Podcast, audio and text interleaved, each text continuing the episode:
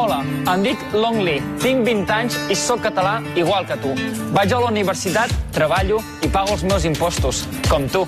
M'agrada anar al teatre i viatjar. Bé, quan puc. Igual que tu. La única diferència és que jo no puc votar.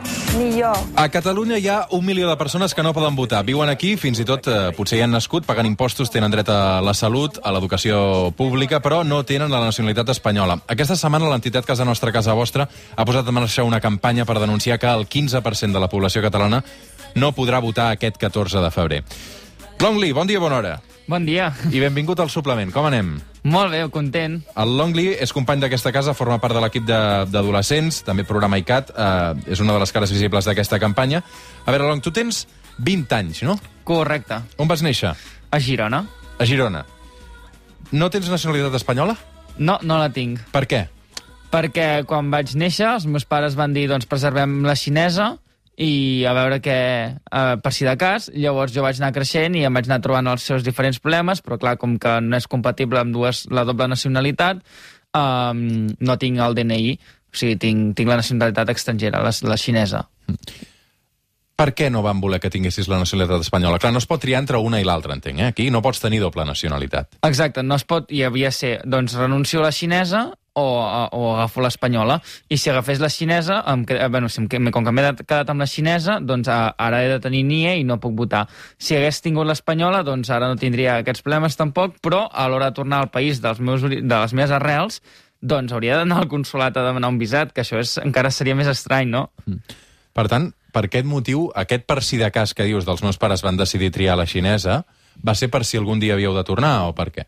Sí, no sé, vull dir, va ser la decisió dels meus pares, jo realment tampoc m'hi fico, però ara que he assolit la majoria d'edat, um, també hi he contemplat moltes vegades l'opció de canviar-me el DNI per facilitar moltíssim les coses, també, però clar, el procés burocràtic és molt lent i uf, és una cosa bastant exhaustiva que s'ha de fer amb temps. Per tant, si tu volguessis tramitar la nacionalitat espanyola, hauries de renunciar a les teves arrels a la nacionalitat xinesa, no? Totalment. Tu què et sents? Mira, aquesta pregunta és bastant, bastant sofisticada de respondre i l'altre dia vaig llegir un text, bueno, fa temps, que, que em vaig sentir totalment identificat. És a dir, jo puc dir, ostres, jo em sento català, i jo sóc català, m'he educat aquí com, com cadascú, però els meus trets físics són trets um, asiàtics. Per tant, uh, és difícil que sempre em diguin que és 100% català, que, que sí, que es diuen, ai, sí, ell ja és català, però, clar, el físic és el xinès. Però, en canvi, com, quan vaig a la Xina, com que hi ha certes coses, per exemple, no sé llegir tot, ni sé escriure del tot, doncs tampoc pertanyo 100% allà, tampoc tinc la cultura ni, ni, els, ni, ni, ni, ni aquests inputs de, de la Xina, per tant, és com que estic en, entremig de tot arreu, no estic en cap lloc, saps? Però eh, vam tenir un president molts anys que deia que és català qui viu i treballa a Catalunya. Hm, llavors, sóc català. No, i m'hi considero, òbviament. Eh, el que passa és que eh, hi haurà molta gent que aquests dies et critica i crec que això et molesta bastant, que et diu, escolta'm, si el Longli tan català és que renuncia a la nacionalitat xinesa. Clar, és que és molt fàcil dir-ho quan no tens arrels d'altres països. Saps, quan et trobes en la meva situació dius, ostres, doncs potser també... Per què he de renunciar a les meves arrels? Que sí que al final, doncs, les, amb dues coses no són compatibles i s'ha de decidir entre una cosa o l'altra. Però clar, perquè és compatible um, la doble nacionalitat, per exemple, en França o altres països europeus o llatinoamericans i, i, i per ser xinès, doncs, com que no hi hagi aquesta compatibilitat, doncs no hi hagi aquest, aquesta opció, no? Tu et sents un ciutadà de- segona a Catalunya? Depèn. Depèn del moment. Um... Si depèn és que sí, normalment, eh? És que no sé com dir-ho. En, en realitat jo no m'ho veig perquè vaig a l'escola, estudio i tal, però quan està, es parla de temes institucionals, doncs sí que em sento una mica doncs, ciutadà segona, sobretot quan he tingut molts problemes amb, amb, amb els bancs, sobretot, que no Ah, sí? puc obrir-me un compte en cap, cap entitat bancària gran, Per què? per al fet de tenir NIE i nacionalitat xinesa, doncs jo als 18 anys vaig anar a les grans entitats bancàries intentant obrir-me un compte i totes, totes, totes me les van negar eh, o em van demanar papers dels meus pares des de feia molts anys, tipus declaracions d'impostos, etc i jo em vaig sentir insultat perquè vaig dir, "Esto- escolta, acabo d'assolir la majoria d'edat, jo en teoria hauria de poder venir aquí Bueno, i obrir-me un compte com qualsevol persona. Bueno, és que I vas no, néixer a Girona. Exacte. Però un certificat de naixement no, els, no ah, sí, ha de ser un simple paper que constati no? Aqu- Aquesta cosa, és que és un simple paper realment, eh? I, i no es pot, és molt complicat, i estic, per exemple, a la banca ètica, que és l'únic lloc on m'han deixat obrir-me un compte. Et sents jutjat també pel teu aspecte físic? Sí, òbviament. I sobretot eh, ju- jutjat en el sentit de, per exemple, l'idioma, no? Quan, quan s'adrecen a mi, sobretot, doncs, normalment ho fan en castellà. I això és una cosa que realment eh, tampoc em molesta perquè crec que al cap i a la fi doncs, és una cosa que tenim massa interioritzada i que ens pot sortir sol i que és, encara que sigui lleig, doncs és com, ostres, si jo m'he adreçat amb 10 persones estrangeres i 9 m'han contestat en castellà, doncs potser, saps? Vull dir que realment Clar, és, tu, és difícil, això. Un català se t'adreça en castellà, per, per, perquè això ja ho hem explicat moltes vegades també en aquest programa, això és racisme, tu el contestes en català Sí. eh, i a sobre es deu fer el sorprès, no? Ai, sí, m'alegro moltíssim. Ai, t'has integrat molt bé. Parles un català molt correcte, noi. M'alegro. Bàsicament perquè vas néixer a Girona, company. Sí, exacte. Uh, clar. Jo sóc un gironí de socarrel. Sí, sí. Um, escolta'm, um, ets aquí perquè no... perquè teòricament el 14 de febrer no podràs votar, uh, o no tens dret a vot, però sí que votaràs. Com ho faràs? Doncs em cediran el vot. De, I bàsicament això es tracta de... Uh, bàsicament, la- una persona que sí que té dret a vot em cedeix el seu vot, però és una cosa representativa.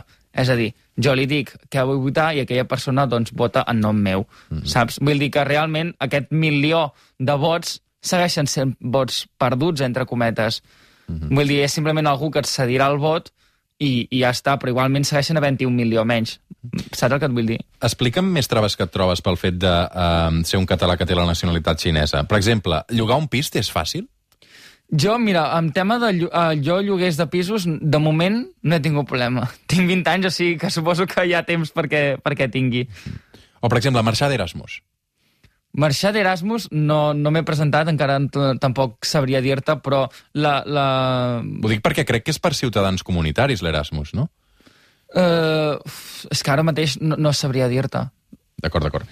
Um, això és el que, la situació que té el, el, el Long Lee, um, aquest jove de 20 anys, company d'aquesta casa, que, que es troba doncs, que no podrà votar, uh, malgrat haver nascut a Girona. Um, per exemple, eh, uh, estic pensant en la situació que vivim aquest últim any amb, amb la pandèmia que es va originar uh, a Wuhan. Uh, et deus haver sentit assenyalant, no?, perquè al principi uh, la comunitat xinesa, uh, déu-n'hi-do com va rebre, per ser el, el focus originari de tot plegat.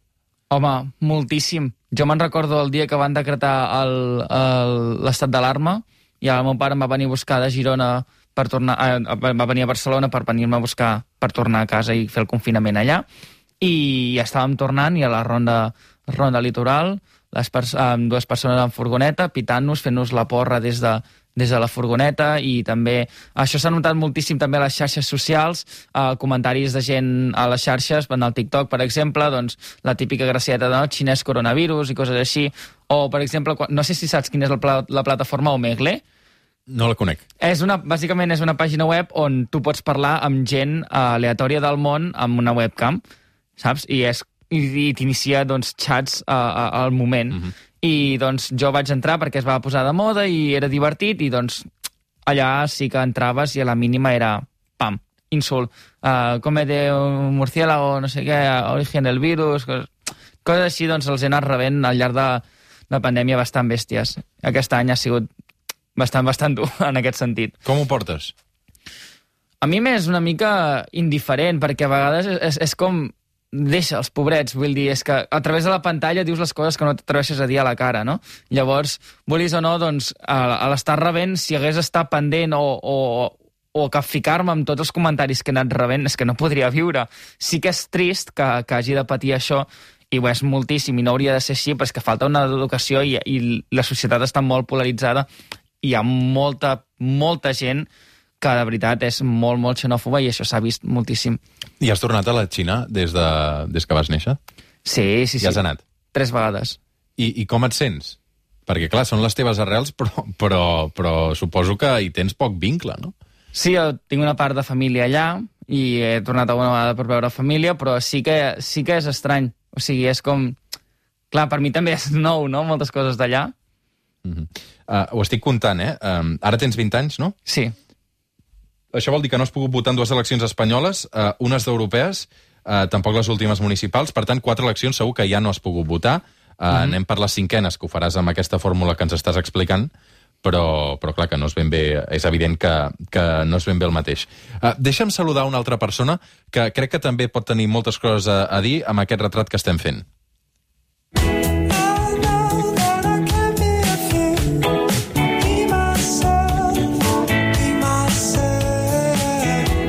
Perquè, com dèiem, hi ha un milió de persones a, a Catalunya amb aquesta situació. El Longley eh, és un d'ells, però hi ha altres casos de persones que no tenen la nacionalitat espanyola, però que fins fa poc eh, han pogut votar en algunes eleccions, no en totes, eh?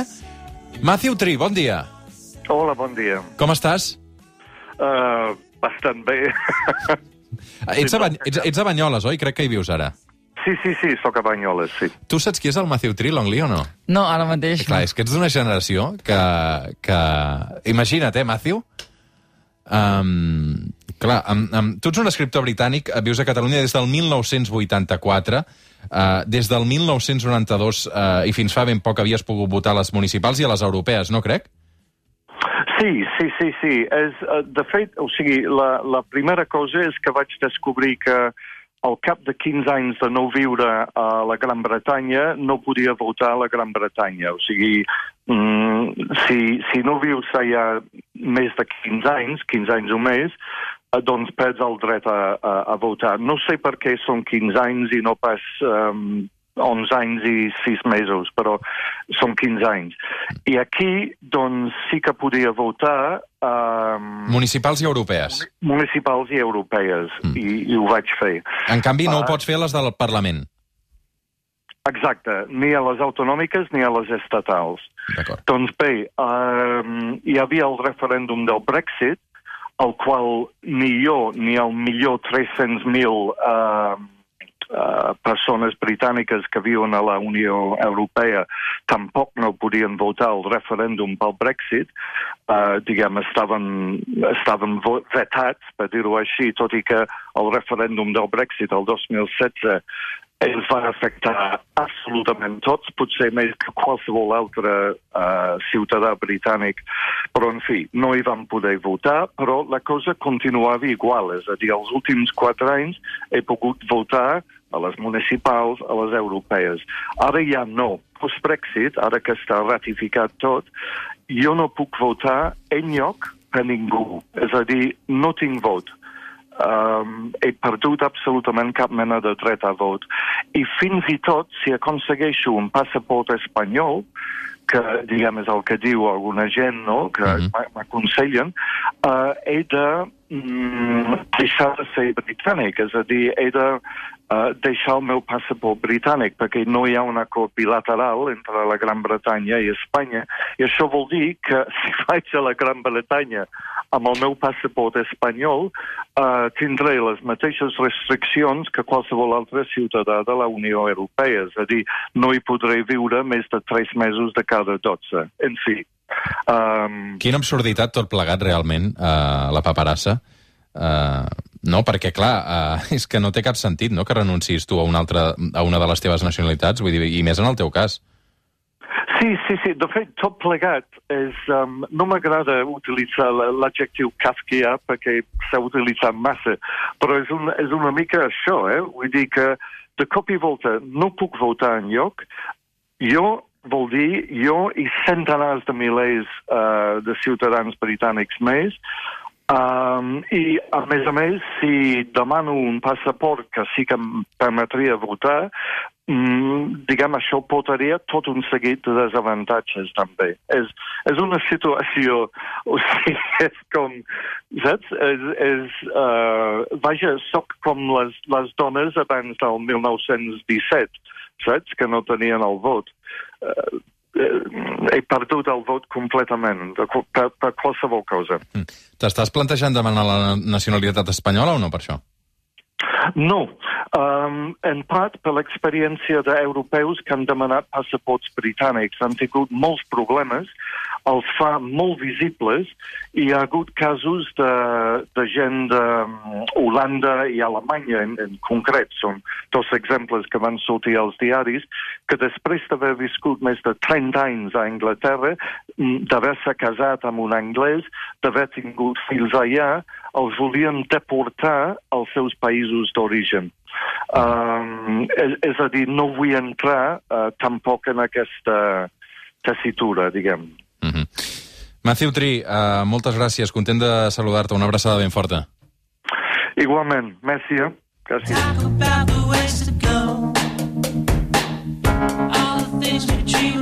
10 i 21 minuts, som al suplement, som a Catalunya Ràdio. La campanya per cedir el vot no és nova. Ja fa temps que activistes com la Safia Eladam eh, han posat en marxa iniciatives d'aquest tipus per donar l'opció de votar a persones que no tenen aquest eh, dret. Aquesta setmana també ho hem vist amb la campanya de Casa Nostra, Casa Vostra. Safia Eladam, bon dia. Hola, bon dia. Uh, tu, igual que el Long, um, crec que vas néixer a Catalunya, però tampoc no tens la nacionalitat espanyola, oi? Exacte, sí. Mm -hmm. Per tant, també hauries de renunciar, a, en el teu cas, a la nacionalitat marroquina per accedir a l'espanyola? Sí, sí, sí. Mm. Crec que tu, per referir-te a les teves arrels, no dius que ets marroquina, sinó que uh, ets amazic, no? Exactament, sóc amazic. Mm. Uh, podràs votar el dia 14? Eh, a través de la campanya Votar és un derecho, sí. Mm -hmm. I ja tens algú que, que et cedirà el vot, per tant, sí, eh? Sí, sí, sí, sí. Sí. Uh, quan et vas adonar que, que gent com tu, com en Long, uh, que molts d'altres no teníeu aquests drets polítics i, i, i vas decidir uh, a tirar endavant una campanya com aquesta? Pues va ser a les eleccions d'abril de, de 2019. Mm -hmm. Ja feia molt de temps que, que, bueno, que, que sentia aquesta impotència no? d'estar en el teu país i que et silenciïn i que bueno, eh, es facin discursos d'odi sabent que no podrà haver resposta per part de, de la gent migrant i, i filles d'immigrants fins i tot. I clar, em, em convidaven per parlar de, del dret a vot de les persones migrades sense jo ser migrada i em donava molta ràbia, no? Llavors, un dia vaig, eh, vaig decidir posar a les meves xarxes socials un post que, que parlava de tota la meva situació i fent una crida i vaig tenir molta resposta. Llavors, si hi havia... Mm, vaig rebre missatges de gent que volia cedir-me el vot i vaig pensar, ostres, no és això, si, si hi ha missatges que em volen cedir el vot a mi, eh, pues, ho puc creuar també, eh, les puc creuar amb altres persones que no puguen votar. I res, ho vaig comentar i tal, i, i, i es va llançar la campanya. Mm. Votar és un derecho i van poder votar durant el 2019 amb totes les eleccions que hi van haver més de 2.000 persones. Mm. Tu ets llicenciada, crec, Safia, en Filologia. Uh, per exemple, eh, per entendre també el, els impediments o els obstacles que us trobeu. Sense la nacionalitat espanyola, tu pots obtenir, per exemple, una plaça de professora en un centre públic? No, no. No, no. No et pots presentar oposicions? No. I podries, no. per exemple, anar a una llista electoral, tot i que no tens dret a vot? Eh, no. Tampoc. I a més, o sigui, eh, jo ara també sóc educadora social i només, o sigui, no em puc tampoc presentar eh, a un lloc públic. Eh, no sé, em sembla eh, que aquestes coses, primer, no s'han de vincular amb la nacionalitat i, segon, que eh, els tràmits de la nacionalitat s'han de facilitar, perquè si des del 2015 hi ha mm, com 500.000 expedients de nacionalitats abandonats a Madrid sense resposta, eh, necessitem una resposta eh, per, eh, per les eleccions i per, per treballar. Hi ha moltíssima gent, molt, milers de, de, de, de, de joves que han nascut a, a Catalunya, que han nascut a, a Espanya, que han acabat màsters, que han acabat carreres universitàries volen opositar i no poden perquè no tenen la nacionalitat espanyola i no només això, no és que no la tenen, és que la van sol·licitar fa anys i no hi ha resposta perquè no hi ha gent eh, o sigui, no hi ha suficients funcionaris eh, que treballin per, per, bueno, pues per, mm, pels expedients de la nacionalitat. I no perquè no hi hagi gent que, que vulgui treballar, sinó perquè no hi ha interès en, en invertir en allà. Mm -hmm. Tu t'has plantejat demanar la nacionalitat espanyola o no en tens ganes? Sí, no, sí, sí jo, jo l'he demanat, el que passa és sí. que estic esperant. esperant. Jo des dels 18 anys que estic intentant eh, eh, fer els tràmits de la nacionalitat espanyola i és perquè no em queda una altra cosa, o sigui, si, és que he nascut aquí i llavors la meva vida està aquí. Eh, els meus pares porten 40 anys aquí també. Llavors, eh, si jo vull ser funcionària, no em queda una altra cosa que demanar la nacionalitat espanyola. Si jo vull votar en, en ple dret, no em queda un altre que demanar la nacionalitat espanyola, perquè la campanya decidir el vot és un parche, o sigui, no és... Sí, sí. No, no, jo no, no hi veig la solució. Sí que quan la vam llançar genial i tal, però és per cridar l'atenció i denunciar d'una manera més activa, no? De, vale, denunciem que no tenim dret a vot, però a més votarem a través d'altres persones, saps?